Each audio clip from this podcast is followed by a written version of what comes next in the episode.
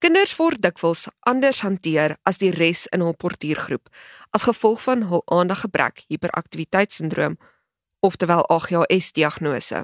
In die 9de episode van Marula Media se potsending reeks oor AGHS, gesels ons met Dr Jerry Besaidnout, psigiater en direkteur van mediese dienste by Vista Kliniek, oor AGHS deur die lens van 'n vriend.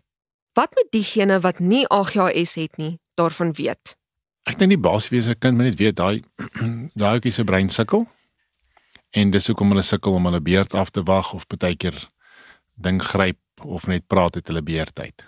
Net 'n basiese verstaan en dan ook 'n basiese verstaan van okay, maar hoe gaan ons hanteer? Jy weet, gaan ons die ouetjie maar net los? Want die oomblik as hy gegryp het en die ander kinders begin met hom kwaad raak, dan daai impulsiwiteit kan ook impulsiwiteit veroorsaak in emosies. Jy weet dan as ek kwaad raak, dan reageer ek op die kwaadheid. So jy baie keer net daai kind net vir 'n oomblik te los dat hy net bietjie rustig raak en dan sê maar, "Oei, dis eintlik my beurt."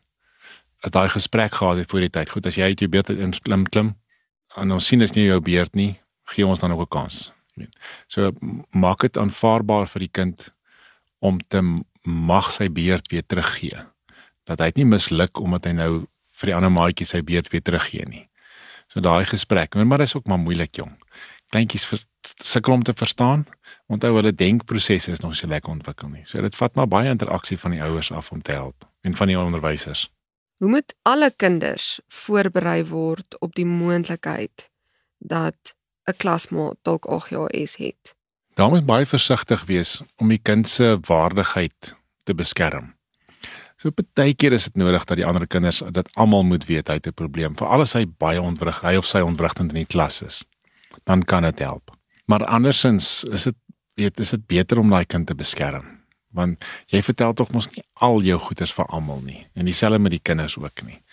So jy weet as, as 'n kind in 'n klas is en hulle kan nie skuif nie en dit veroorsaak probleme om dan op 'n mooi manier vir hulle te verduidelik maar sy brein sukkel en sy brein maak dat hy nie noodwendig altyd gaan stil sit of dit gaan doen nie. So weet moenie aandag af met hom nie verder weet reageer as hy probeer die nar wees nie dis net sy brein wat probeer help hom om bietjie te on, om, op te staan en bietjie te ontspan. So kom ons gaan net aan met ons goeters. dit kan baie kan help as dit 'n mooi konstruktiewe gesprek is om waar sit daai kind? Sit hy heel voor of sit hy heel agter?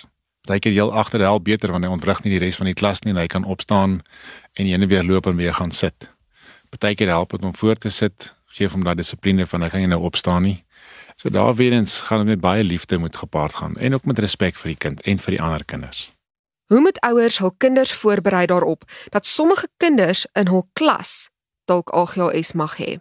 Dit kom weer terug na respek toe.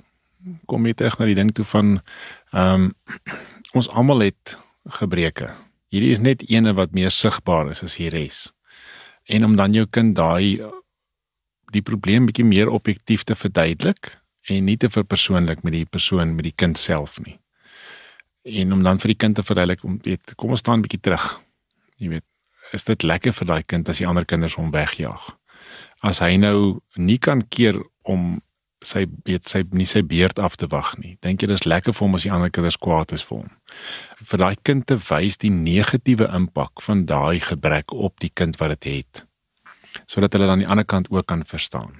Ehm um, en en die teenoorstelle is maar net dit, jy weet, dis die verpersoonliking, die stout kind. Hy luister nie. Jy weet as hy so maak, slaan hom net of klap hom of ignoreer hom of jaag hom weg, jy weet. Ek dink dit baie maak baie skade net dit dit kweek 'n omgewing van van verwerping wat nie vir die persoon wat dit nie het goed is of vir die ander persoon nie, want ons leer nie om mekaar te akkommodeer nie.